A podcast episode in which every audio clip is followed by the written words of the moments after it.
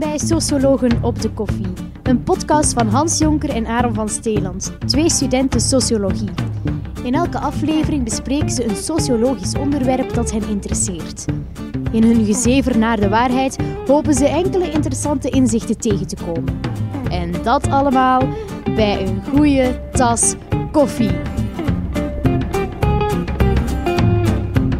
Welkom bij Sociologen op de Koffie. Het is al eventjes geleden, maar ik ben nog steeds Aaron van Steeland. En ja, normaal gezien zou ik zeggen de persoon recht over mij, maar het is de persoon aan een totaal andere computer in een totaal ander deel van België. Hans Oh, ja. Jonker. Hallo. Het is een beetje een speciale vandaag, hè? Ja, we gaan eh, met de recente corona-epidemie, dachten we van, ah, we gaan eens een corona-special doen. Dus eh, bij deze.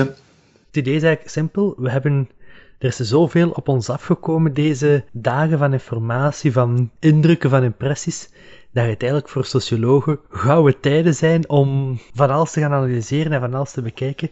En dat we dat nu eigenlijk willen delen in de vorm van een podcast. Voilà, het is via Skype, dus het kan zijn dat de kwaliteit een beetje Minder is. mediocre is, minder, voilà. Maar eh, we zijn nog steeds even enthousiast, dus... eh. En de inhoud zal nog altijd even goed zijn. Aha, inderdaad. Zeg Aaron, voordat we beginnen. Ik heb gehoord dat jij een SDS-upgrade gekregen hebt. Sociaal-economische status is... eh, Ja, ja, ja.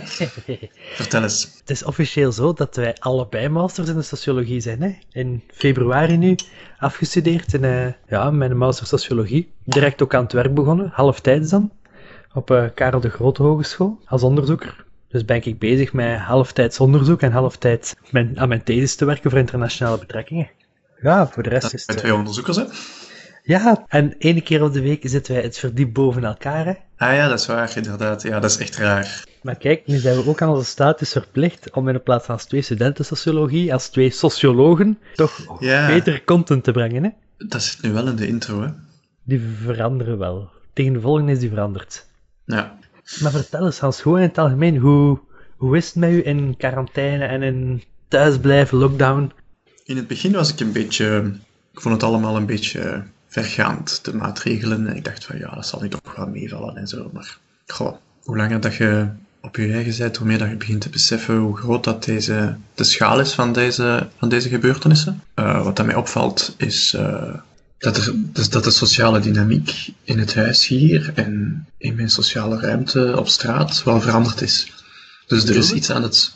Corona is natuurlijk een hot topic, maar het verandert wel een, een, een soort dagelijkse routine, die wordt wel aangepast. Ik heb bijvoorbeeld veel meer rituelen die ik zie, bijvoorbeeld, zoals bijvoorbeeld het handen wassen en het, het extra voorzichtig zijn als, als mensen naar de winkel gaan. Dat zijn zo allemaal rituelen die, die ik zie dat mensen doen om, eh, om die anomische situatie een beetje onder controle te krijgen.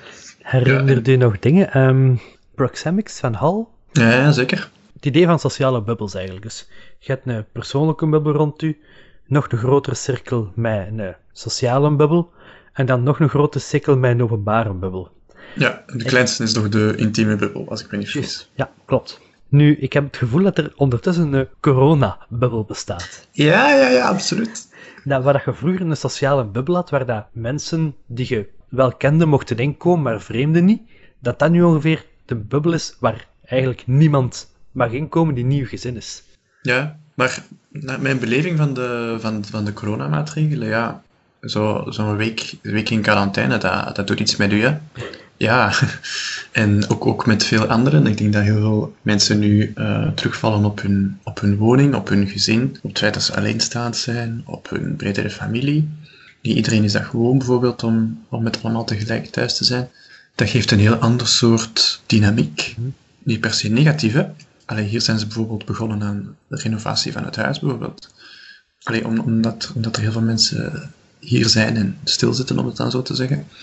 Dus daar wil ik toch ook ergens benadrukken dat ja, die corona-epidemie, die, die zet een aantal dingen in gang. En dat zijn niet alleen maar negatieve dingen. Ik, ik vind het wel fijn om te zien dat er ook mensen hun eigen draai aan geven en dat, dat er ook heel solidariteitsacties komen.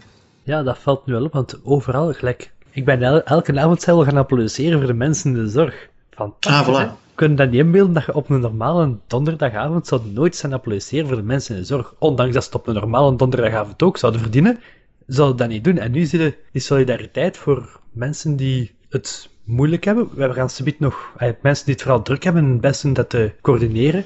we gaan het ook nog wel hebben over mensen die het moeilijk hebben, maar het is toch een enorme solidariteit. Ook gewoon, ik weet niet hoe het bij u zit, maar ik bel plots met mensen. Ik bel anders nooit, maar nu bel ik met mensen, is dat kei gezellig, gewoon om dat isolement een beetje te doorbreken. Hè? Maar gaat het er net over dat je zei, het is niet alleen maar negatieve zaken. Welk zie je dan als negatieve zaken in heel, die, in heel het corona-verhaal? Hmm, verschillende dingen. Een eerste waar ik aan denk is um, het feit dat heel veel uh, mensen nu thuis zitten. Ik denk bijvoorbeeld aan iets armere gezinnen met een lagere sociaal-economische status en minder kansen. Die bijvoorbeeld, uh, die hebben vaak grote gezinnen, die zitten dan thuis in een vaak iets te kleine woning zonder tuin. Je zit dicht op elkaar, dat, dat veroorzaakt frustratie. En de overheid en de bedrijven roepen nu wel op om tele te werken, maar die mensen hebben vaak geen eigen laptop. En stel dat je zes kinderen hebt, dan ga je kinderen, als je weinig middelen hebt, ga je die niet alles als een laptop geven. En normaal werken die in de BIP. Ik zie die heel vaak in Antwerpen in de, in de werken. Mhm. En dat kunnen die nu niet. Heel veel van die mensen, ja, die zijn echt afgesneden, denk ik. En dan is het wel belangrijk dat we zoiets als het internet hebben, dat we toch nog op zijn minst met elkaar kunnen communiceren. En podcasts kunnen maken. Mag je maar iets zeggen? Ja, omdat je hebt direct al een paar interessante dingen gezegd. Zoals de overheid roept op om tele te werken, maar ook bij mensen die dan zogezegd geen laptop hebben, is al één zaak. Maar telewerken voor onze groep arbeiders bijvoorbeeld. heel wat arbeiders zitten neder aan de onderkant van de sociale klasses. Niet allemaal, maar toch een aantal. Ja, dat zijn enkel zwakkeren die je dan in een bedrijf steekt, kort op elkaar, lijnwerk, bandwerk. Die mensen kunnen niet tele telewerken, dus die zitten daar eigenlijk vast aan een band. Ik hoor wel van sommige bedrijven dat ze dan proberen met minder werknemers te doen. Mhm. Maar dat blijft nog altijd wel een concentratie van mensen dicht bij elkaar. Dus daar had al een eerste absurditeit. Een tweede zaak, dat je zegt met dat telewerken als oplossing. Je hebt kinderen inderdaad. Ja, wat is de manier om nu school te krijgen? Ik zie het hier ook bij ons thuis, bij ons mama bijvoorbeeld. En bij ons ook op de NIF. Ja, alles wordt online gedaan, hè. Je krijgt dan filmpjes doorgestuurd, je moet taken insturen, ja. Allemaal goed, zolang dat er internet is. Ja, en zolang dat je kunt concentreren. Want allee, in een druk huis kan ik mij heel slecht concentreren. Ja. Ook niet iedereen heeft een bureau of een, eh, een, een stille plek om even te werken. Stel dat je nu een laptop hebt en, en een stille plek, dat wil nog niet zeggen dat je je kunt concentreren thuis. Dat is ook een luxe die, die maar weinig mensen hebben. Ik denk dat dat telewerken een beetje... Alleen dat is natuurlijk wel goed voor de economie, maar uh, allee, dat is ten eerste niet geschikt voor alle uh, beroepscategorieën. Maar het is ook vooral geschikt voor de dienstensector, hè? voor de mensen die, uh, die conceptueel denken. Maar het echt, echt praktisch handenwerk kan je natuurlijk niet telewerken. Eigenlijk is dat een hogeschoolde oplossing, hè? Dat is een oplossing ja, absoluut. hogeschool. Matthäus-effect. Eigenlijk een Matthäus-effect. Matthäus-effect trouwens is uh, het feit dat de, als je de maatregel treft, dat de rijken ervan profiteren en de armen worden er arm van. Dus de rijken worden rijker en de armen worden armer. Dus dat Ja. is een soort pervers effect dat je creëert door de maatregel, dat de middenklasse en de hogere klasse daarvan gaan profiteren. Betaalde kinderopvang bijvoorbeeld. Maar dat mensen met een lage sociaal-economische status dat niet weten of dat niet aan geraken, of net daardoor meer, uh, of nou ja, de weerslag krijgen van die, van die maatregelen, zeg maar. Dat, is zo, dat refereert eigenlijk naar een bijbelse zin. Klopt. En zij die hebben zal gegeven worden. En dat is eigenlijk het idee, inderdaad, gelijk dat je zegt, uh, betaalde kinderopvang. Als we gaan kijken naar procentueel gezien, wie profiteert er van die betaalde kinderopvang, is dat inderdaad onze middenklasse, omdat ja, heel veel van onze lagere klasse, één, heeft al gewoon thuisopvang, of weet niet dat het bestaat, omdat het systeem niet werkt volgens automatische toegangen. Klopt, en die lage sociaal-economische klasse, die, die hebben vaak meer kinderen. Dus die hebben daar ook meer nood aan. Maar ja, als je naar de kinderopvang gaat en al die plekjes zijn al ingepikt door de middenklasse, dan uh, gaat het ook op. Ja, ik las een um, studie, denk ik, van ofwel Eurofound ofwel de OCD, met de stelling van wat is er mis met onze kinderopvang. En daar was eigenlijk de zaak dat onze laagste klasses eigenlijk niet naar de kinderopvang gaan, niet zozeer door een te hoge prijs, maar eigenlijk door een tekort aan plaatsen.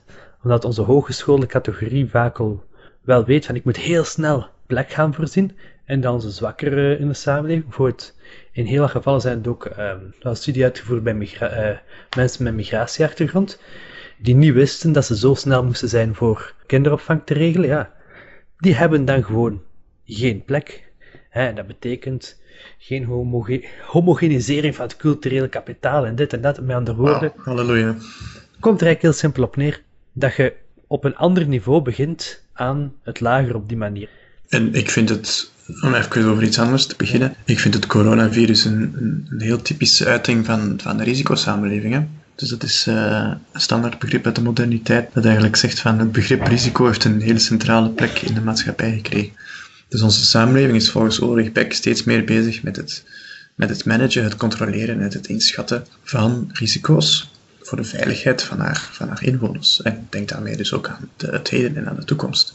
En om even wat breder te kaderen, we spreken van een risico als je kennis hebt van het gevaar. Mensen gebruiken vaak risico en gevaar door elkaar. Maar het verschil is de kennis tussen de twee. Want als ik een slang op mijn arm heb en die bijt mij, ik weet niet wat dat die slang is of dat die giftig is, dan loop ik een gevaar op vergiftiging. Ja. Maar als ik weet dat de slang giftig is, dan loop ik een risico op vergiftiging. Dus corona is een duidelijk risico, omdat we weten dat 2% van de bevolking, voornamelijk so- sociaal zwakkeren en ouderen, eraan kunnen sterven, jammer genoeg. Dus corona is heel duidelijk een risico. Ik zie die, ik zie die vaak door elkaar gebruikt worden, gevaar en risico. En dat is inderdaad een beetje vloe. Stel dat je bijvoorbeeld naar Brazilië gaat, je gaat daar eh, in een favela, ja, loopt je dan een gevaar of een risico om overvallen te worden? Hm, dat is niet zo duidelijk. Het is, het is ook niet altijd even, even duidelijk. Corona is wel duidelijk een geval van, van risico, denk ik. En wat aan mij opvalt, is dat, eh, dat de overheid enorm, allee, ook logisch, hè, enorm inzet op die risico's. Dus wat is het risico op besmetting? Hoe lang overleeft dat virus op welk materiaal? Die fixaties op risico's, dat is eigenlijk, dat is typisch modern, zou, zou Ulrich Beck zeggen. Maar ik probeer, omdat nu, als ik dat nu allemaal hoor, probeer ik in te denken waarom is dat nu typisch modern en waarom fixe- fixeren wij op de risico's?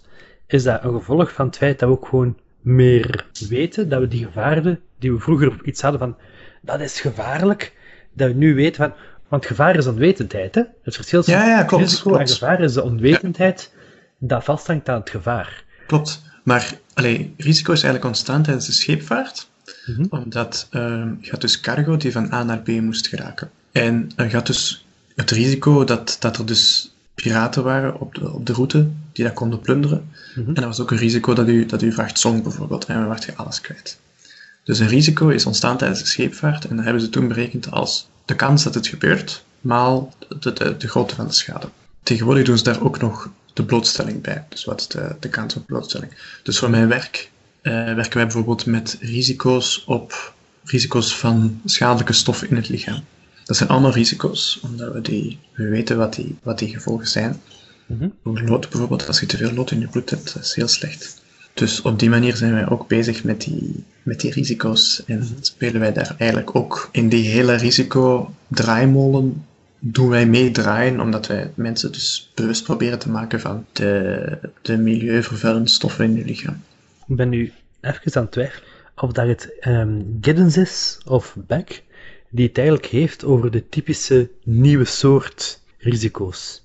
Namelijk de risico's die onzichtbaar zijn. Hè? Dat je vroeger zei van, de risico dat is iets dat je visueel ziet of een gevaar is iets dat je bijna kunt waarnemen, maar dat nu de risico's niet meer ja, los van ons zijn, dat die extern aan het individu zijn. Dan denk ik bijvoorbeeld, de klassieker is een soort blindelings vertrouwen. Bijvoorbeeld een vliegtuig, dat houdt een bepaald risico in, maar dat is niet meer van ons, dat is extern aan ons, wij kunnen daar niks meer aan doen en we leggen dat in handen van de piloot.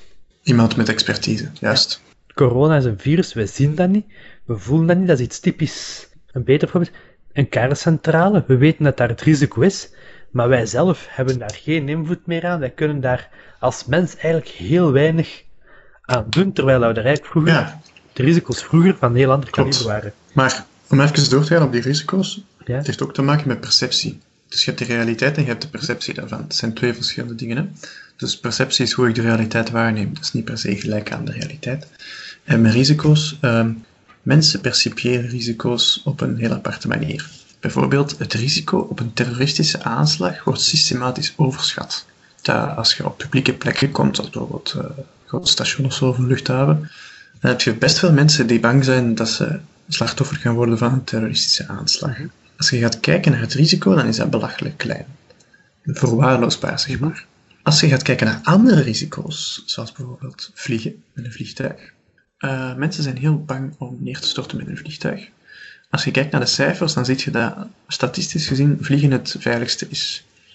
De kans dat je, als je het vliegtuig neemt, dat je sterft in je auto terwijl dat je naar de luchthaven rijdt, is vijf keer groter dan dat je neerstort met je vliegtuig. Heeft dat voor een stuk ook niet te maken met de, dat de effecten van de nieuwe risico's, de gevolgen daarvan, dat die veel groter zijn? Dan denk bijvoorbeeld, als die mensen met rottokken naar de luchthaven verongelukken, is dat heel jammer, zonde voor die mensen, maar dat zijn de man of drie, vier. Dat komt waarschijnlijk zelfs niet in het nieuws. Maar als dat vliegtuig neerstort, ja, hij heeft direct een goeie honderd man, dat eigenlijk per definitie, zolang het vlieg, zodra het vliegtuig neerstort, eigenlijk gewoon sterft. Ja, Heeft dat daar niet veel mee te maken? Ja, ja, absoluut. Maar Ulrich Beck en uh, de risico-auteurs van de sociologie, mhm. die hebben hun werk ook geschreven iets na Tsjernobyl. Zo was zo'n eerste besef van, er is hier een enorme groot, grote ramp gebeurd, een milieuramp, waar iedereen de gevolgen van draagt, collectief. Ja. Dus dat, dat zijn inderdaad die nieuwe risico's. Je had dat inderdaad ook al over kerncentrales. Um, en het punt dat die auteurs maken, is dat we dus steeds meer afhankelijk zijn van vertrouwen in experts. En je ziet dat ook, je ziet dat eigenlijk in alle domeinen van het leven daar. Een soort expertisering, dat mensen niet alleen hun vertrouwen wegleggen in experts, maar ook advies gaan vragen op expert, uh, aan experts. Mhm. Over hun relatie, over hun, uh, over hun werk, uh, career coaches, life coaches. dat, dat, dat is ook een moderne trend. Lang leven Mark van ten deze. Halleluja. Nee, maar het is wel zo. Ik bedoel, die mens, in dit geval, is eigenlijk de mens waarin dat wij bijna letterlijk alle hoop leggen van België. Hè? Anders... Ja. Oké, Van der Gucht, zit, van, van Gucht, hoe noemt hem daar? De, eh, die met zijn ogen knippert. Um, en dan nog... Iedereen knippert met zijn ogen aan. Ja, ja. Pas op, je gaat erop letten. Die van Gucht, dat je hem ziet morgen al de persconferentie, gewoon knipperen met zijn ogen. Oké. Okay. Um, dan ook nog die ene, die kale, maar dat zijn de drie mensen in België waar je zo toch de go-to mensen zijn rond corona, waar je nu eigenlijk die nog maar moeten knikken. Hij bijna, nee, klinkt nu grof, hè, maar hij klinkt nu kort door de bocht, maar die wel op dit moment het coronabeleid bepalen. Die zeggen van dit Absoluut. dit. En wat je daarnet zei, vond ik wel interessant, voordat we, toen we aan het voorbereiden waren. Dat niemand daar tegen in opstand komt of zo. Want ik, ik lees nog wel eens in de krant van uh, politie pakt uh, illegaal feestje, mensen van illegaal feestje op of zo. Maar er is eigenlijk geen verzet tegen die maatregelen of geen, uh, geen opstanden. Of, allee, Iedereen doet dat maar. Vier jaar geleden, toen dat de aanslagen waren in Zaventem. Hans, toen dat ze zeiden, je moet binnen blijven, want het is gevaarlijk voor aanslagen. Hey, dat er nog bij komen of represailles of het een of het ander. Hans, wat hebben wij toen gedaan? Toen dat de overheid dat zei? Is goed gelachen, denk ik. We hebben, zijn samen afgesproken en we hebben in de, in de Biep van Antwerpen wat we ja, gaan en een koffie gaan drinken. Ja, ja, ja, ja, ja. We hebben toen gezegd, fuck de overheid, we laten ons niet bang maken. En we, gaan koffie drinken. Ja. We zijn afgesproken naar aanleiding van het feit dat we binnen moesten blijven. Ja, nu dat je het zegt. Zo een beetje de beddes gaan uithangen. Van, oh, ze zeggen dat we het niet mogen, we zijn weg. Zou dat kunnen, dat, dat wij dat gezag aanvaarden omdat dat van de wetenschapper komt? Want dan heb je eigenlijk wel enorm scientifisme, hè? Ja. Autoriteit van de wetenschap, misschien kunnen we het daar ook eens over hebben. Want het lijkt nu een klein beetje op een technocratie eigenlijk, hè? Ja, ja, ja absoluut. Namelijk de Mark van van de Rucht en die Kale, die zeggen wat er... Ja, sorry, ik ken zijn naam niet. Die Kale. Die Kale, ja. Die eigenlijk um, het beleid bepalen. Nu, simpelweg. Als ik nu kijk naar een simpele ervaring van, um, van op tv. De tweede verblijver. Zoals zo'n hele historie dat mensen naar de zee werden tegengehouden omdat ze naar hun tweede verblijf wilden. Ah, en dan, dan Mark van Rans daar zei, dat is nou toch compleet idioot. Hè. Dat heeft er niks mee te maken, dit, dat, die wuiven dat weg. En dat ik zoiets had, ik voelde bij mezelf van, als Mark van Rans zegt dat mensen naar een tweede verblijf komen, dan kan de crème maar zorgen dat die mensen tot op een tweede verblijf mogen. Nu zo stom, maar je legt daar wel autoriteit bij. En het interessante is dat daar heel veel over geschreven is bij het begin, bij het ontstaan van de sociologie. Eigenlijk is de sociologie bijna de, de echte, echte grondleggers. Niet onze drie golden, maar de, diegene daar nog voor. Uh, mensen als Saint-Simon en Comte hebben daar eigenlijk enorm veel over geschreven. Saint-Simon is daar eigenlijk een van de grote grondleggers van, ook al de basis van de sociologie gelegd. Gewoon voor de anekdote wat voor iemand dat Saint-Simon was. Saint-Simon was een graaf die niet gewoon één vijs miste, maar gewoon geen enkele vijs had. Die mens was, ja maar, ik weet niet of je dat nog herinnert Hans, uit de lessen van Ja, Walter tuurlijk. Die kreeg een droom waarin dat Karel de Grote tot hem kwam. En Karel de Grote heeft in zijn droom, in de droom van Saint-Simon gezegd, Mijn zoon, uw prestaties als filosoof zullen de mijne als krijgman en politicus evenaren. Wauw. En die mens die dacht dat dus echt, hè, dat die was, die voelde zich verheven boven alles en iedereen, maar los van het feit dat die mens knettergek was, was hij wel gewoon een heel intelligente mens. Het verhaal is dat hij altijd overal de mensen ging opwachten om babbeltjes mee te doen en zo, en dat hij overal zich ging positioneren om met de meest intelligente mensen te praten, totdat hij van die regio alle intelligente mensen gehad had, Dat zouden we ook nog kunnen doen, hè? Ah wel, we maken er een podcast van. maar die heeft een heel interessante ehm, ding geschreven, eh L'Organisateur, waarin dat hij eigenlijk stelt van hoe moet nu de beslissingen gemaakt worden. Zijn idee was, jongen, einde 19e eeuw, hè, het heerschappij van het volk is voorbij, Ehm, de democratie, dat leidt tot niks. Wat weten in godsnaam al die burgers ervan? We moeten naar een scientisch centralisme. Zodat de wetenschapper centraal staat. Ja. En hij ging eigenlijk nog iets verder. Hij pakte er ook nog alle bedrijfsleiders bij. Maar, Maar- waarom niet? Hij had eigenlijk een structuur van drie kamers. De eerste kamer was de kamer van uitvinding. En daar moesten eigenlijk alle creatieve mensen gaan zitten. Ontwerpers slash archi- architecten, de dichters, de schilders, de schrijvers. En die moesten Frankrijk zoveel mogelijk verfraaien. Dan, dat was de kamer van uitvinding, dus die moesten eigenlijk met de ideeën komen. En dan had je de kamer van onderzoek. Dat waren dan de scientisten, bij wijze van spreken, ehm, de natuurkundigen, de wiskundigen. En die moesten gaan kijken naar de kamer van uitvinding, waar de creatieve ideeën zogezegd uitkwamen. Van, zijn die haalbaar en hoe moeten die gerealiseerd worden? Dus je hebt de kamer van uitvinding met alle creatieve mensen. En dan heb je de kamer van uitvoering. En dat zijn eigenlijk de vertegenwoordigers van iedere industrietak. En die krijgen dan de plannen van de Kamer van Onderzoek, hè, die al getest zijn. En die moeten die dan eigenlijk gaan uitvoeren. Hè, die moeten dan de plannen die doorgekomen zijn gaan uitleggen. Dus hoe krijg je eigenlijk de structuur? De creatieve mensen bedenken een idee of een concept. Die sturen dat idee of concept door naar de Kamer van Onderzoek. Die gaat kijken van, is dit haalbaar?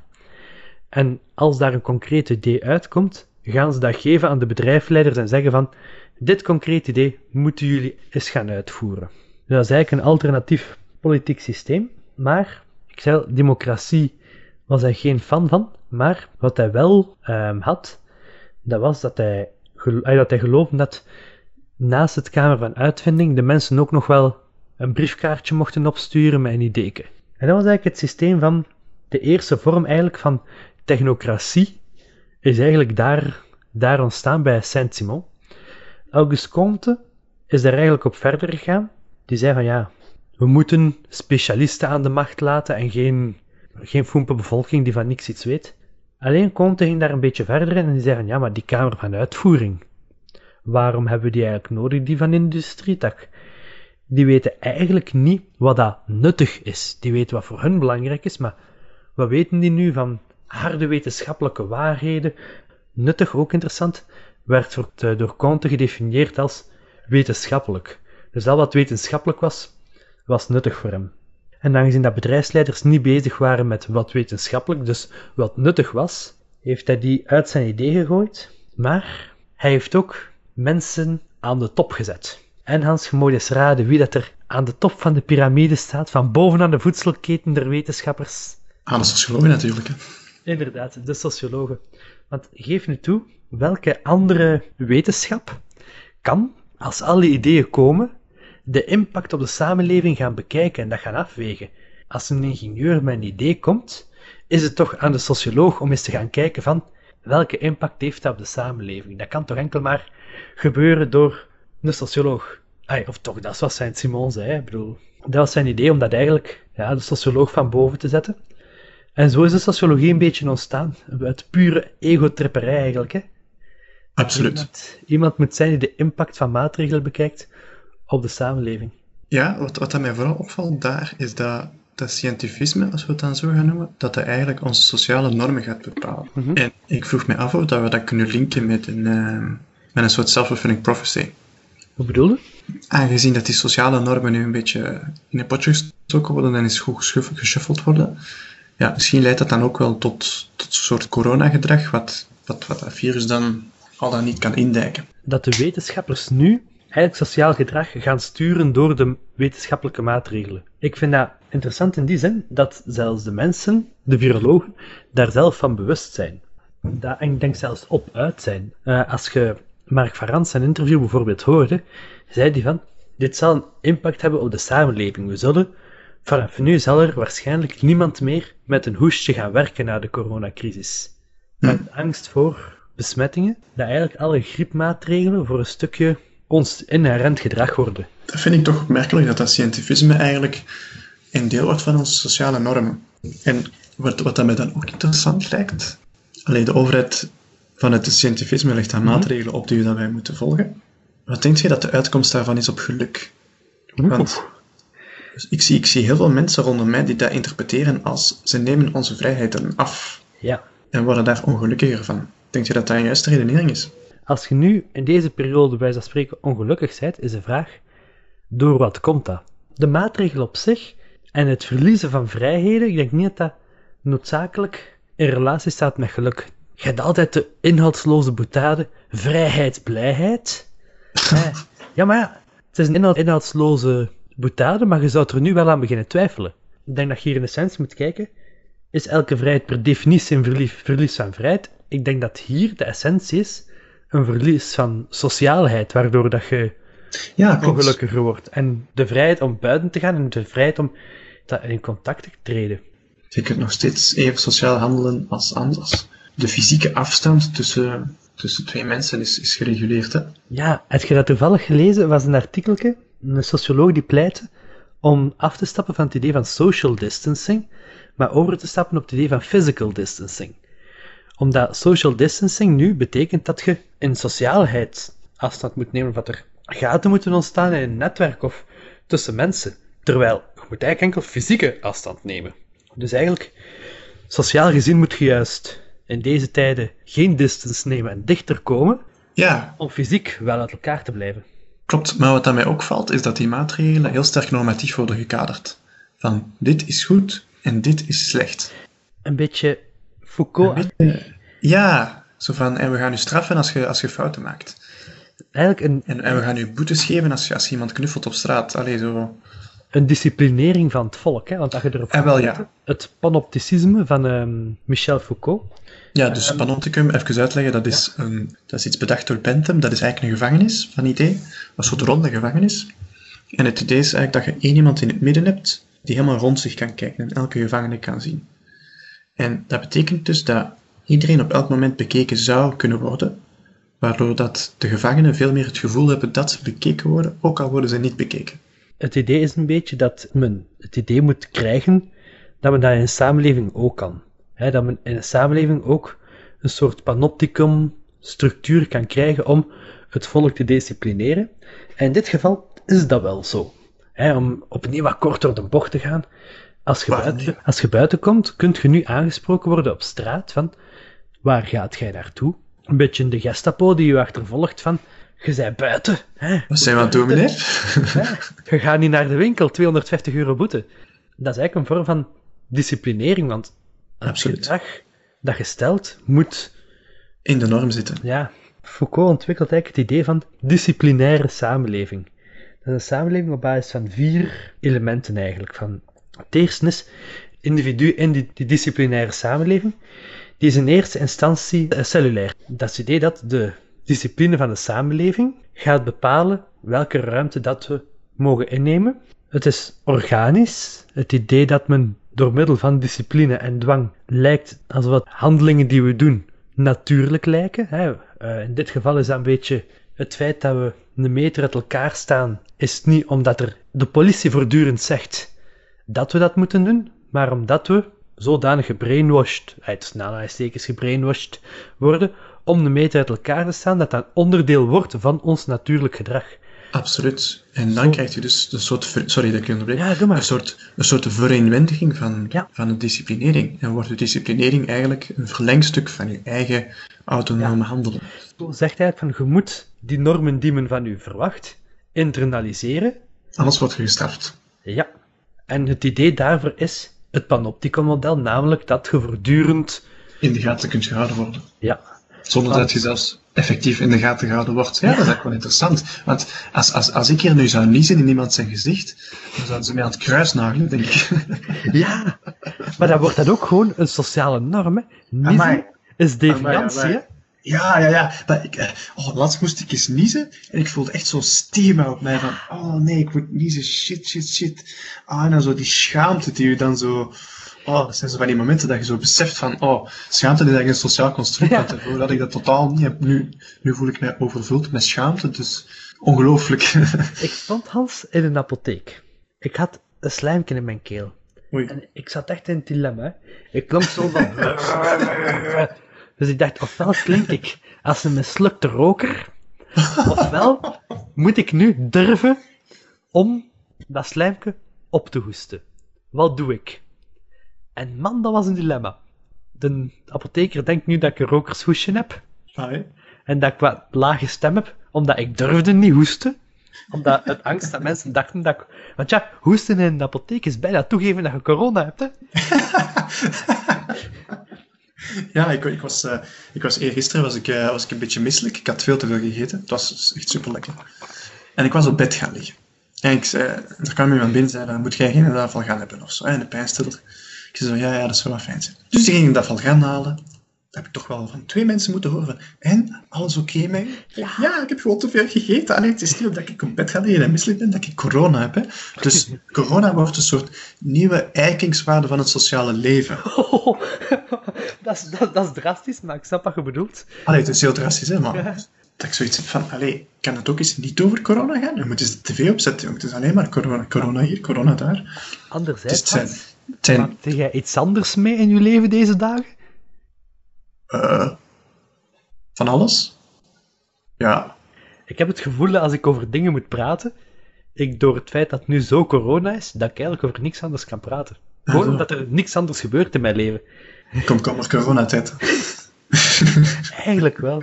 ja. Maar Ja. we hebben nu eigenlijk een heel negatieve visie op het afgeven van vrijheid.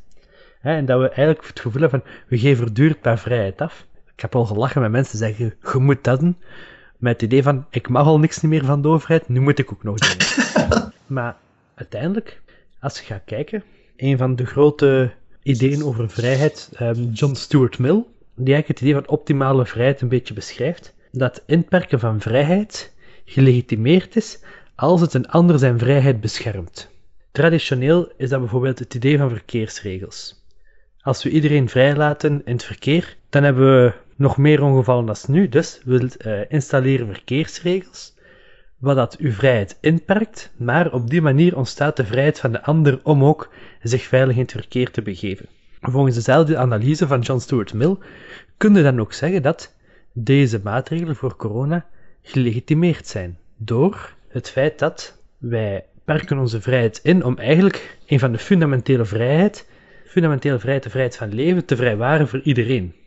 Ik geef mijn vrijheid om buiten te komen op, om de ander zijn vrijheid op leven te kunnen garanderen. Dus op die manier kunnen we wel zeggen dat een overheid die de vrijheid inperkt wel gelegitimeerd is. Filosofisch dan toch. ja, absoluut. Het is ook een democratisch eh, verkozen overheid. Dus eh, op die manier, eh allee, min of meer. Ja, Is het zou een volwaardige regering, Hans? Het is een minderheidsregering, maar oké. Is dat dan democratie? Ooit zijn ze verkozen, dus ja. nee, maar eh, tegenwoordig als je het over vrijheid hebt, wordt er dan verwezen naar de maatregelen. Hè?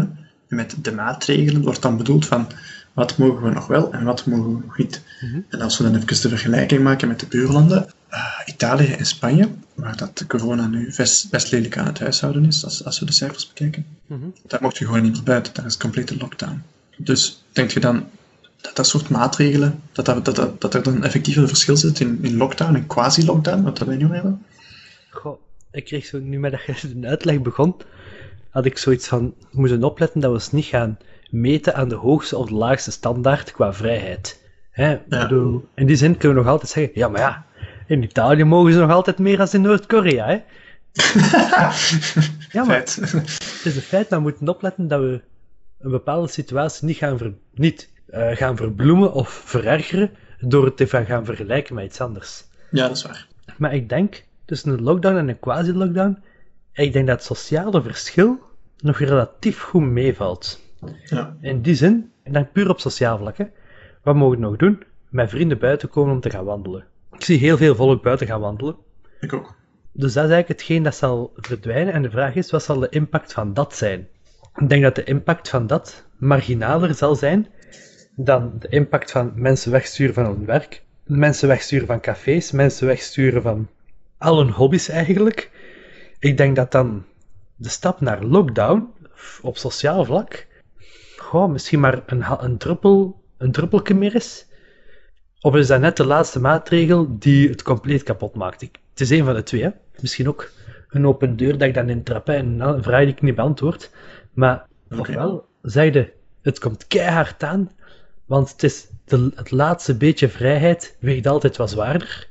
Maar anderzijds heb je al zoveel opgegeven dat je denkt van, goh, het kan er ook nog wel bij. Dus Ja. het gaat een van de twee worden. Maar ik denk als we op lange termijn kijken dat dit voor het mentale gezondheid van velen rampzalig zal zijn. Hè? Ja, en nu we het dan toch over mentale gezondheid hebben. Ik, ik dacht misschien om de, de link naar partnergeweld te maken. Maar hij is een beetje brusk. Maar ik vrees dus dat. Partnergeweld ook, ja. Voilà, jammer genoeg. Ik vrees dat de prevalentie van partnergeweld gaat toenemen omdat mensen veel dichter op elkaar zitten. Ik kan het gerust wat, wat meer hebben over partnergeweld. Ja, doen. Alleen dat komt eigenlijk vooral voor in de Afrikaanse wereld, als je de cijfers bekijkt. Mhm. Maar toch zijn er elk jaar een paar schrij- zeer schrijnende gevallen van partnergeweld. Eh, intiem terrorisme wordt dat ook wel eens genoemd. Meestal naar vrouwen toe, maar ook naar mannen. Waar heel weinig over geweten worden trouwens. Bijvoorbeeld mannen die hun vrouwen slaan, eh, mishandelen, afpersen, hun geld afpakken, hun vrijheid beroven en opsluiten. Soms eh, vrouwen zijn daar ook een slachtoffer van, jammer genoeg. Soms ook de kinderen. Ik, ik vrees een beetje soms dat mensen zeker nu in, in een soort web gevangen zitten waar ze, waar ze niet uitkomen. Dus dat is wel een, een groot nadeel aan het isolement. Zou dat ook niet een Mensen stuk mee kunnen zijn dat mensen bepaalde frustraties niet langer op andere plaatsen kunnen uiten? Ja, klopt, klopt. Nu Ja, maar heel simpel. Ik ga twee keer per week naar de judo en daar reageer ik mij wat af. Hè, je gooit je frustraties er eens uit, je bent actief bezig door het fysieke inspanning, verlicht dat ook een heel stuk de mentale zwaarte. Maar nu kun je niet naar de judo en kan ik me inbeelden dat op lange termijn de frustraties die ik anders uit door judo te gaan doen, Ja. dat ik die op een andere manier moet uit. Wat ik niet ga zeggen dat ik op iemand ga slagen, maar Nee. je gaat een andere manier moeten vinden. En waarschijnlijk zal ik wat meer gaan lopen of wat meer gaan wandelen of het een of het ander, om dat om te zetten in iets anders. Maar voor sommigen kan dat misschien betekenen op je vrouw gaan slagen. Zeker als er al spanningen waren. jammer genoeg wel, ja. ja. En het ding is dat er gaat sowieso meer frustratie zijn, omdat er, dat er meer volk thuis zit op één ruimte. Ja. Dus eh, ja, waar dat ik ook aan zat te denken vanmorgen toen ik eh, half wakker werd, was, was hoe, dat, eh, hoe dat, zit in een gevangenis. Of dat die daar coronamaatregelen nemen. Want er hoorde eigenlijk niks van, hè. Dat weet ik niet. En wel, ik ook niet. Dus dat zou ik wel eens willen, willen onderzoeken. Of dat er in de gevangenis bepaalde coronamaatregelen worden genomen. Dat je bijvoorbeeld je, je gevangenen niet meer mocht bezoeken. Dat die bijvoorbeeld niet meer op de koer mogen komen. Mhm. Wat, wat, dan, wat dan een overtreding zou zijn van de, van de gevangenisrechten natuurlijk. Want, Een, eh, een kleine oproep naar onze luisteraars. Weet u hoe dat zit in de gevangenissen van Bel ons. corona? Reageer het dan op onze Facebook. nee, maar inderdaad. Want qua rechten schenden vind ik het ook wel een klein beetje frappant wat we nu aan het doen zijn, hè, met al die maatregelen. ja, dat is dus niet mis, hè. Ja. Ik ben zo benieuwd alsof er achteraf zo is iemand zo dat papiertje van de universele verklaring van de rechten van de mens pakt, daar de uitspraken van internationale strafhoven bijpakt, en zo eens gaat kijken van hoeveel zijn er, eh, voor het goede doel, hè, laten we dat duidelijk zijn, hoeveel zijn er geschonden? En betekent dat dan dat gezondheid boven de mensenrechten staat? ja, maar gaat het hier over gezondheid of gaat het hier over... Coronamaatregelen zijn eh, maatregelen voor volksgezondheid, hè? Want soms als ik politici bezig hoor, dan is het precies terreur. Van we moeten ons beschermen. President Macron zei dat we in oorlog waren. De meesten hebben het over een gevecht tegen corona. Dus dat wordt toch vooral als een gewelddadig conflict. Uh, ook omdat, omdat Conflict de, tegen de vijand... En wel tegen een onzichtbare vijand. Mhm. Dat wordt, het wordt vooral conflicttheoretisch gekaderd, vind ik. En als het over gezondheid gaat, Mhm. Dan gaat het altijd over een conflict in gezondheid. Van, je mocht niet ziek worden en je mocht geen mensen knuffelen op straat en je mocht niet dit en je mocht niet dat. Altijd vanuit conflict denken. Ik zie de link nog niet goed met conflict denken, Hans. Als ik beleidsmakers en politici hoor, Mhm. dan is dat heel sterk vanuit de conflicttheorie. Er is een conflict gaande, je moet je beschermen tegen dat conflict. Dat is vechten, dat is strijden, je moet je disciplineren, je moet je aan de regels houden. Dat, eh, ik hoor daar heel weinig gezondheidsdiscours in. Ik hoor daar vooral een discours in van we zijn, we zijn aan het vechten en we moeten allemaal doen wat dat er gezegd wordt. Zou dat samen kunnen gaan met die disciplinering waar we het daar juist over hebben? Omdat Ah, natuurlijk. Waar, waar zien wij disciplinering in, dit, in de wereld? In bijvoorbeeld legersituaties, hè, waarbij dat mensen gedrild worden om orders volledig en correct op te volgen. Gehoorzamen, hè. Ook, ik denk dat we ook gewoon moeten gaan kijken naar de hand in eigen boezem steken als eh, sociologen. Want welke, wanneer zien wij in de sociologie literatuur rond groepsgevoel, rond al die zaken? Dat is wanneer we concepten als, hebben als rally around the flag. Wanneer wij inderdaad met z'n allen ten oorlog trekken. Ik denk dat de literatuur en de communicatiestrategieën van oorlog nu gewoon gebruikt worden omdat ze zo efficiënt zijn. Dat de taal, de, het lexicon gewoon zo efficiënt werkt bij oorlog, dat we ze nu ook gewoon gebruiken in situaties van oorlog tegen een onzichtbare vijand. Ook een stuk metaforisch, hè. Ik denk dat dat heel, heel sterk is, want we gaan vechten tegen en als je met het creëren van een gemeenschappelijke vijand zorgt dat je als in-group solidair gaat opstellen, hè, dat gaat, Voilà. dat gaat helpen. Alle neusjes in dezelfde richting. Hè. En het is heel moeilijk om het gewoon, allee, gewoon, om het puur vanuit een discours van gezondheidszorg te hebben over een onzichtbaar virus, wat dat van alles kwaad en slecht kan doen. Dus ik denk dat ze dat ook, misschien is dat menselijk onbewust, een drijfveer om dat in een conflicttheorema te gieten. Omdat conflict, conf- conflict dat, mensen worden daar wakker van, mensen schieten daarvan in actie. Mensen komen daarop, mensen worden daardoor getriggerd. Mensen worden getriggerd door conflict. Als je kranten openslaat, dat, dat gaat over conflict. Dat mensen, dat pakt. Mensen zijn daarin geïnteresseerd. Mensen pakken, dat pakt hun aandacht. Wat dat eigenlijk, als je dat gaat doorredeneren, heel interessant is, omdat conflicttheorie is eigenlijk standaard Marx. Hè? En Marx heeft dat op een gegeven moment ook over zijn klassebewustzijn. Dus het moment van, je hebt een bepaalde situatie die is zoals ze is, met uitbuiting en dit en dat, maar iedereen vindt dat oké. Tot op een bepaald moment dat er een klik is, en dan is iedereen zich plots bewust van zijn klasse en komen met z'n allen in opstand. Ja. Ik weet niet hoe dat bij zit, maar ik heb dat gevoel gehad. Dat was bij mij die donderdagavond dat, dat plots alle maatregelen ingegaan werden, dat ik had van, uh-oh, het is hier serieus en we moeten inderdaad gaan volgen voor het collectief. We moeten met z'n allen dat doen. Dat je inderdaad plots bewust wordt van dat fenomeen. Dat er zo een plotse klik is dat je beseft, daar sta ik, Ja, dat zijn klopt. wij. Maar er wordt dan geen opstanding uit, hè? Ah nee, juist niet. Ah, nee. Het is juist het omgekeerde van opstand, hè. Ah ja, want als je, als je Marx doorleest, dan krijg je... Er is uitbuiting, er is een schrijnende situatie. Maar iedereen vindt het oké, omdat... Ja, je moet wel, hè. En dan op een gegeven moment word je dus wakker geschud en dan krijg je klassebewustzijn en dan besef je dat je hele leven de slaaf bent van iemand. Omdat je in de overgrote meerderheid bent, wat nu ook niet meer niet is, maar oké, Ja. komt je daartegen in opstand. Maar ik denk niet dat dat geldt voor scientifisme. Maar dit is, Hans, thuiszitten is ook een soort opstand, hè. Het is maar ga, ga bekijken hoe dat je opstand definieert. Ik denk dat je in dit geval, en dat, ehm, dat je Marx ook wat breder kunt trekken, en dat je het mocht gaan hebben over, in plaats van hem te definiëren als opstand, als collectief handelen. Dat klassebewustzijn zorgt voor collectief handelen. In heel wat zaken is dat in opstand gaan. Maar ik denk dat collectief handelen ook kan zijn met z'n allen thuis blijven.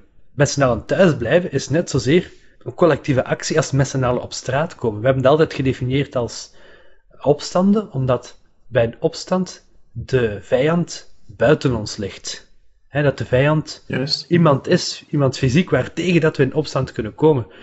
Nu kunnen we doen wat we willen, maar we kunnen niet in opstand komen tegen het coronavirus. Hè. Dat is, zou Ja, dat is absurd zijn. Dus ik denk dat dit een soort omgekeerd protest is. Thuiszitten. Een soort antiprotest. Ja, een soort signaal, want protest is ook gewoon signaal geven hè, en druk opvoeren. Klopt. Dat dit het signaal is naar het coronavirus, wat dat absurd is, want dat is geen mens, maar om toch bij dat paradigma van conflict te blijven, Ja, dat dat dat wel heeft. Misschien zo nog iets heel belangrijk. erbij. Ja, iets heel belangrijk in heel dat corona-verhaal. Heb je handschoentjes aan? En nee, ik zag hier gewoon even mijn handschoenen liggen en ik heb ze aangedaan. Ja. Er is geen enkele andere. Mensen kunnen de beelden bekijken. Hans, via Skype wordt opgenomen. Dus ze kunnen zien dat ik nu gewoon plots een handschoen heb aangedaan for no reason. Zeg Aaron, is dat, is dat collectief ritueel handelen? Nee, dat Is dat, is nog een situatie die dat jij door, door dat collectief ritueel uit te voeren een beetje dat je, dat, dat je onzekerheden kan analyseren? ja, ja, dat is ons. Weet je wat dat is, Hans? Dat is een handschoen tegen de corona. Nu kan ik mensen een hand geven zonder besmet te raken. Ah, het is een symbool, hè? Voor de mensen ook die, nu, die, het niet kunnen, die het niet zien, het is ook gewoon een wollen handschoen dat hier gewoon om een of andere reden nevens mij in de zetel ligt, die ik heb aangetrokken. Het is niet zo een handschoentje van, die je nu overal ziet. Het is echt gewoon naast mij en ik reken erop dat jullie mij niet kunnen zien, dus dat ik gewoon maar wat onnozelheid kan doen en de hand daar niet op reageert. Hè? Ja. Zoals de hand in eigen boezem steken. Ja. That was me. Voor de mensen die dat niet gezien hebben, de Hans is effectief met zijn hand. Allee, ja. ja. Ehm, in ieder geval, wat ik aan wou gaan vertellen, Hans, on topic, ehm, was dat eigenlijk nu het idee van netwerken heel belangrijk is.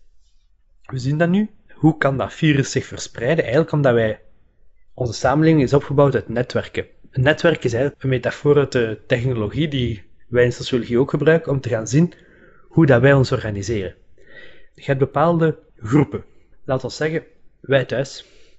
We zijn hier één groep in een netwerk. En dat ene persoon netwerk is dan verbonden, bijvoorbeeld ik, ben verbonden met u in dat netwerk. Jij, bij thuis, hebt een nieuw cirkeltje, een nieuw groepje.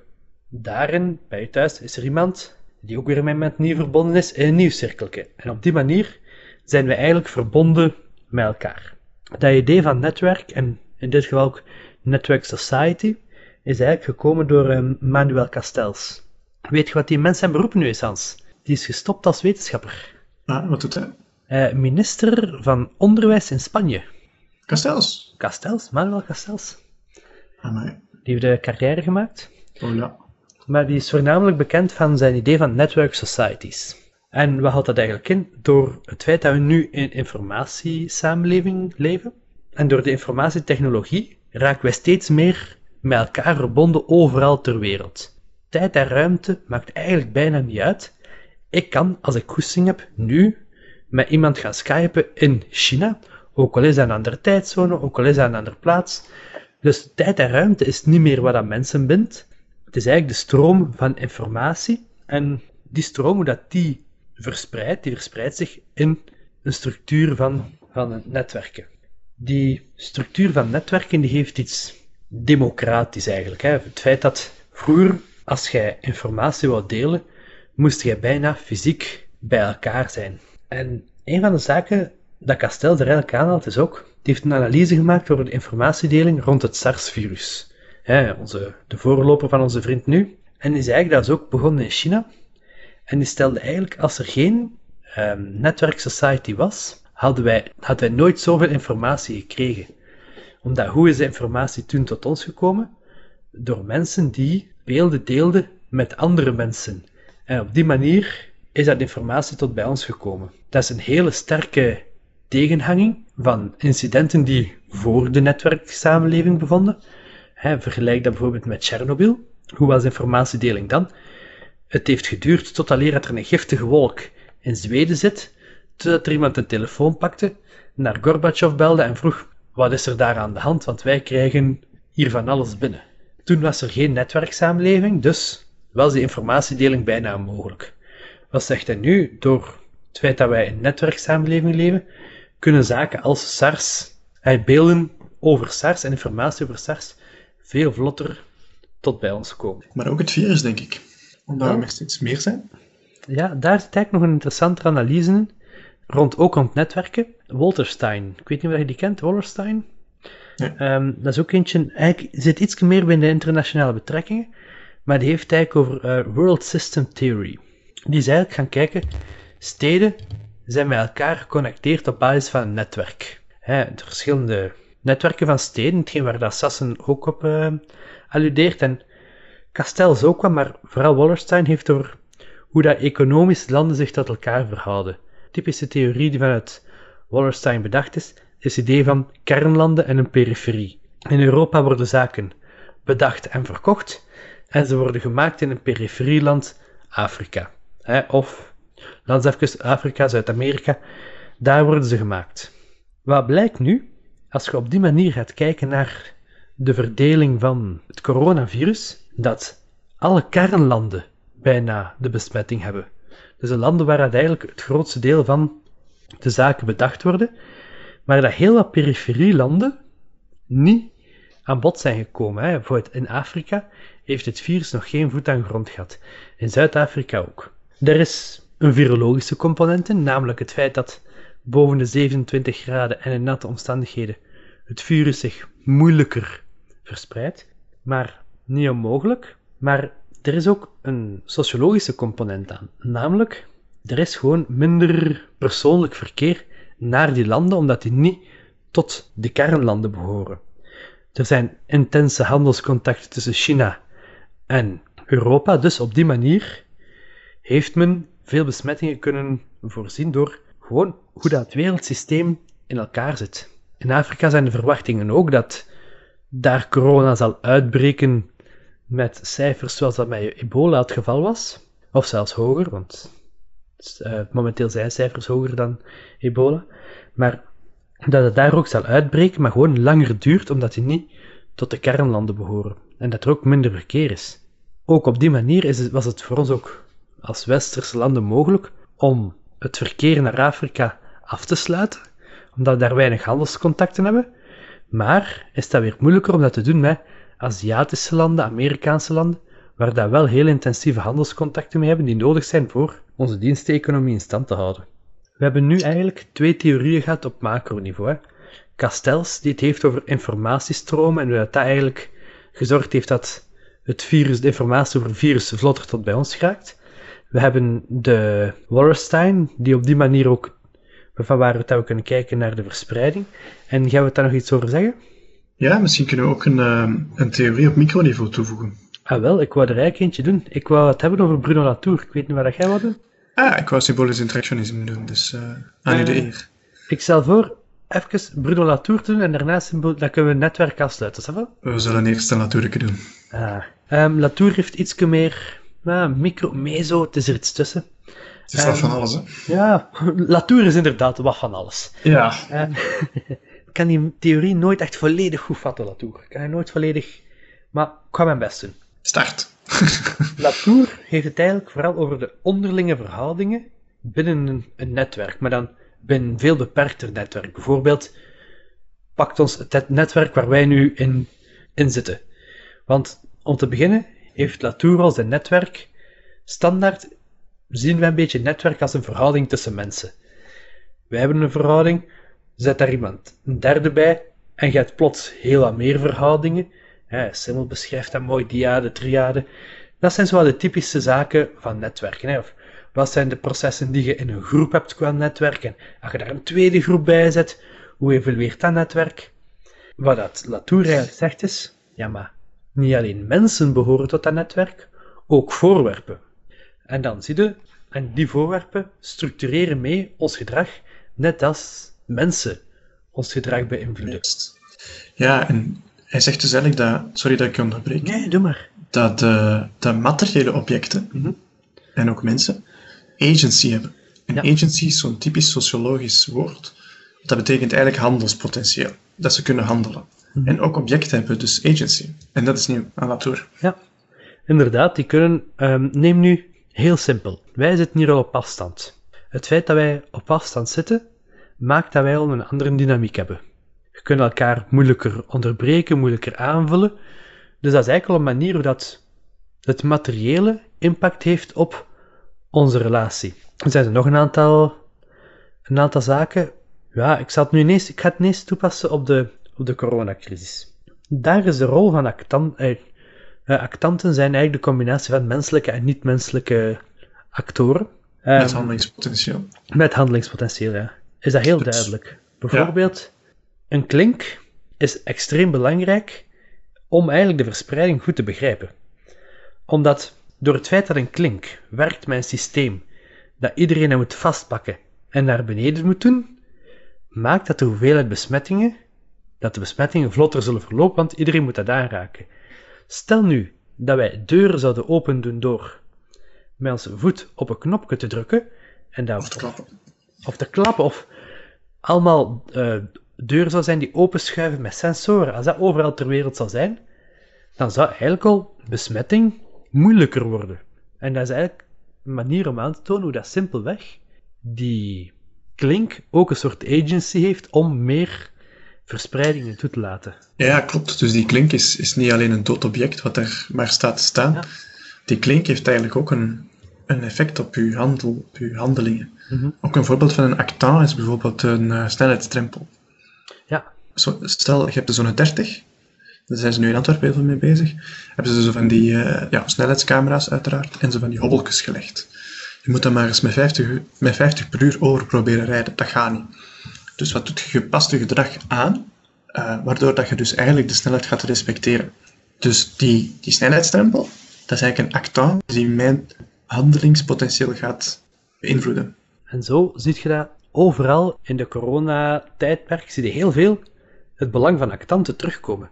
Heel die heisa rond de mondmaskertjes. Het is een hele heisa, maar dan blijkt dat die actant, namelijk het mondmasker, een heel grote invloed heeft op onze complete structuur.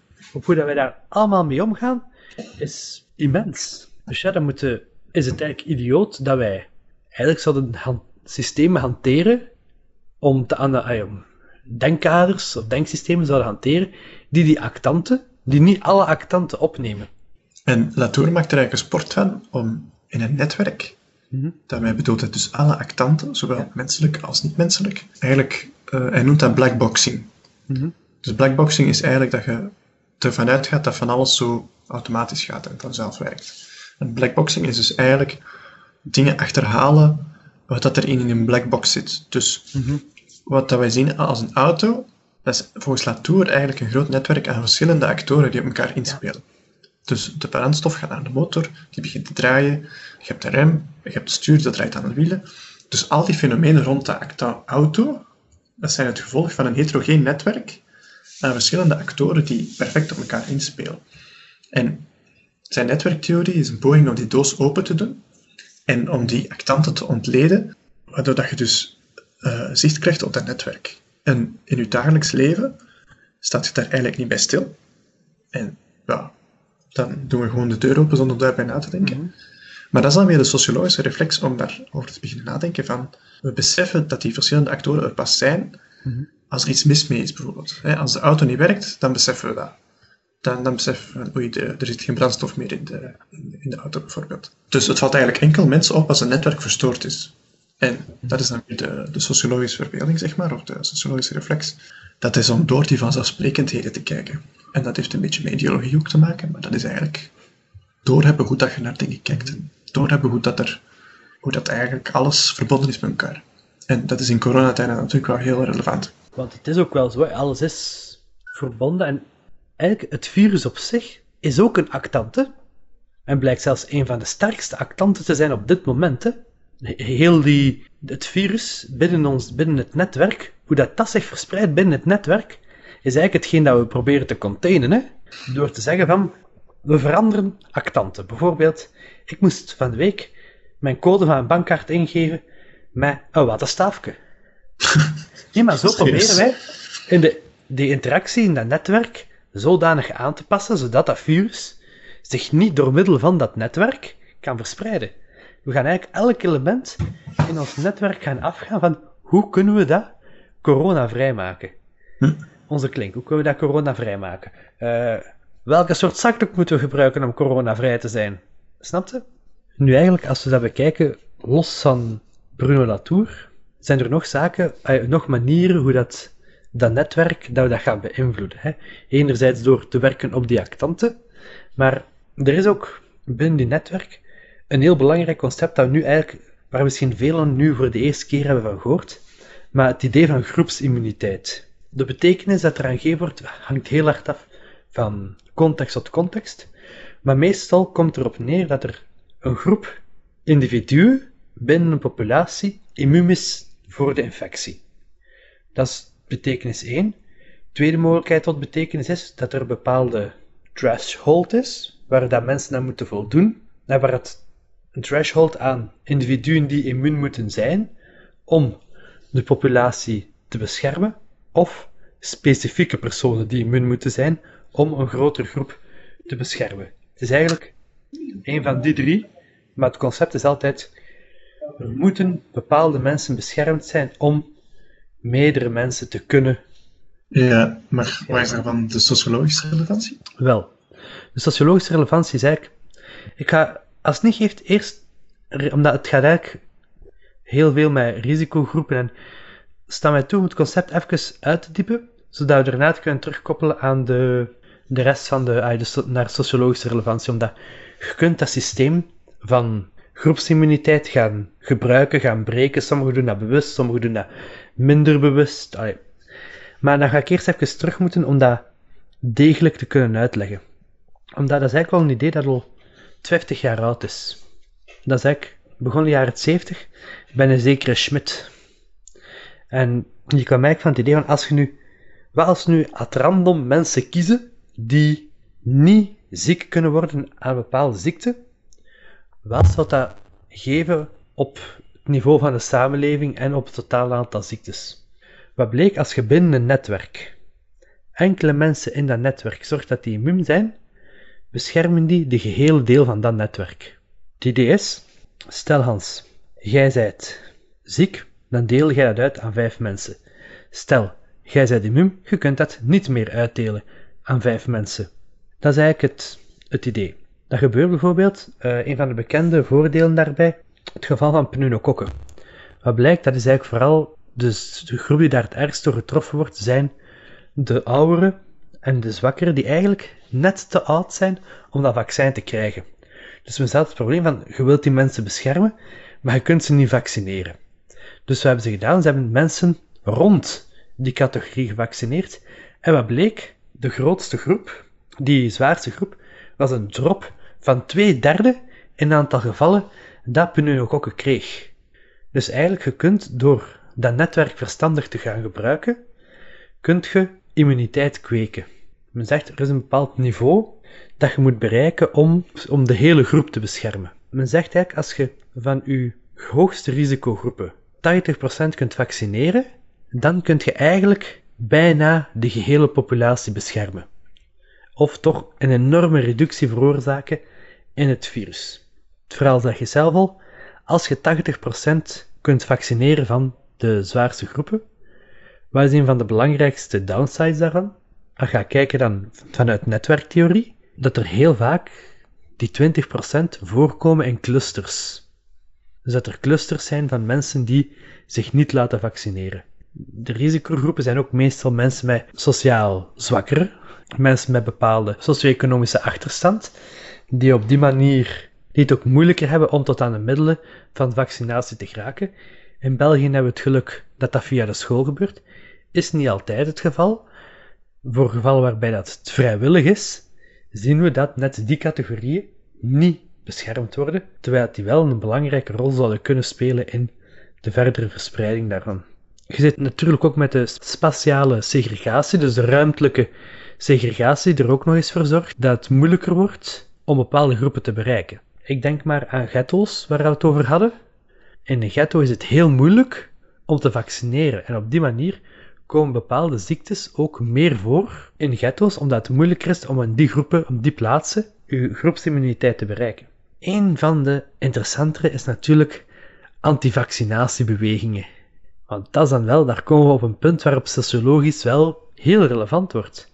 Want dat is een groep die er bewust voor zorgt en voor kiest om zich niet te vaccineren. Ja, inderdaad, vaak uit een soort uh, complot, scientifistisch complot denken. Hè? Om het cru te zeggen, vaccinaties ehm, leiden tot autisme, bijvoorbeeld. Dat is zo'n ja. een klassieker die je vaak hoort. Maar op die manier ondermijnen die eigenlijk de groepsimmuniteit. Heel vaak wordt het er tegen opgehad, je kunt niemand dwingen om zich te vaccineren.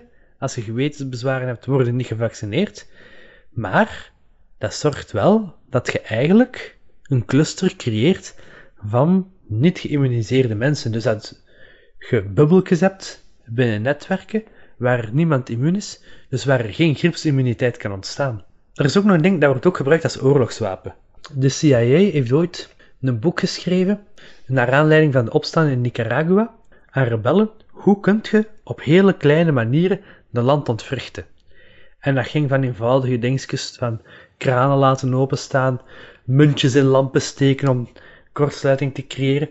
Maar een van die manieren zorgen dat er mensen niet gevaccineerd worden om bepaalde ziektes meer door relatie laten gaan en die groepsimmuniteit te breken. Er wordt zelfs vaak gezegd dat die oorlogstechniek door Rusland wordt gedaan. Dat Rusland, hè, die fake news rond, de, rond uh, antivaccinatiebewegingen in stand houdt om die groepsimmuniteit te breken. Dus dat wordt eigenlijk zelfs als wapen gebruikt, sociologisch gezien. En wat ik nog interessant Ja. vind, wij doen nu alsof dat het rationeel is om u te laten inenten. Om u te laten vaccineren, alsof dat we zeggen van, zij die het niet doen, zijn mensen met gewetensbezwaren gebaseerd op... Dat wordt vaak wat afgeschilderd als de mensen uit de Bijbelbelt of religieuze zaken, terwijl eigenlijk is het niet rationeel om u in te enten. Als je puur, puur vanuit de rationele keuzetheorie bekijkt. En je gaat de kosten-baten doen van uzelf te laten inenten, is het rationeler om de ander zich te laten inenten dan jijzelf. Heb je eigenlijk baat bij om jezelf niet in te enten, maar te zorgen dat iedereen rond u ingeënt is als je bekijkt van kosten-baten. Dus eigenlijk vind ik dat altijd ik vind dat een heel rare tegenstelling. Wij zouden initieel zeggen van, je moet je vaccineren, want dat is logisch, dat is rationeel, dat je zegt van, de wetenschap zegt dat, maar als je kosten-baten gaat bekijken, is dat eigenlijk niet. Dus ik vind dat idee van groepsimmuniteit eigenlijk wel sociologisch relevant. En zeker omdat dat nu zo in het nieuws kwam, ah, zo in het nieuws, dat het grote discussie was van ofwel gaan we voor het idee van groepsimmuniteit en krijgen de piek, ofwel gaan we niet voor groepsimmuniteit op korte termijn en gaan flatten the curve. In deze case zijn er ook nog heel wat andere nadelen, zoals geen bewijs dat er op, korte termijn, eh, dat er op lange termijn immuniteit zal zijn. Dit en net met dat afgezien, zien we wel dat het sociologisch gezien wel een relevante manier is om daar als socioloog naar te kijken. Vanuit het netwerk denken dan. Hans, jij wou nog iets vertellen over symbolisch interactionisme, maar ik had u onderbroken. Misschien dat dat ons te ver gaat leiden, maar dat denkt Doe maar. Doe maar, gooi het er nog tussen. Allee, vooruit. Alles op een hoopje. Voor de fans. Voor de fans van symbolisch interactionisme. Eenmaal, andermaal. Dus ik dacht, misschien kunt je de coronacrisis ook bekijken in termen van symbolisch interactionisme. Dus even opfrissen, symbolisch interactionisme. Betekenis zit op microniveau. Dus elk, er zijn geen betekenissen aan zich, maar ieder op zijn eigen geeft betekenis aan bepaalde dingen. Dus een boom betekent voor mij bijvoorbeeld een plekje van schaduw en een plekje van rust. Maar een houthakker bijvoorbeeld is daar zoveel, zoveel kilo hout in of zo bijvoorbeeld. Dus hetzelfde object heeft voor verschillende individuen verschillende betekenissen. En zo kan dat ook misschien voor corona zijn.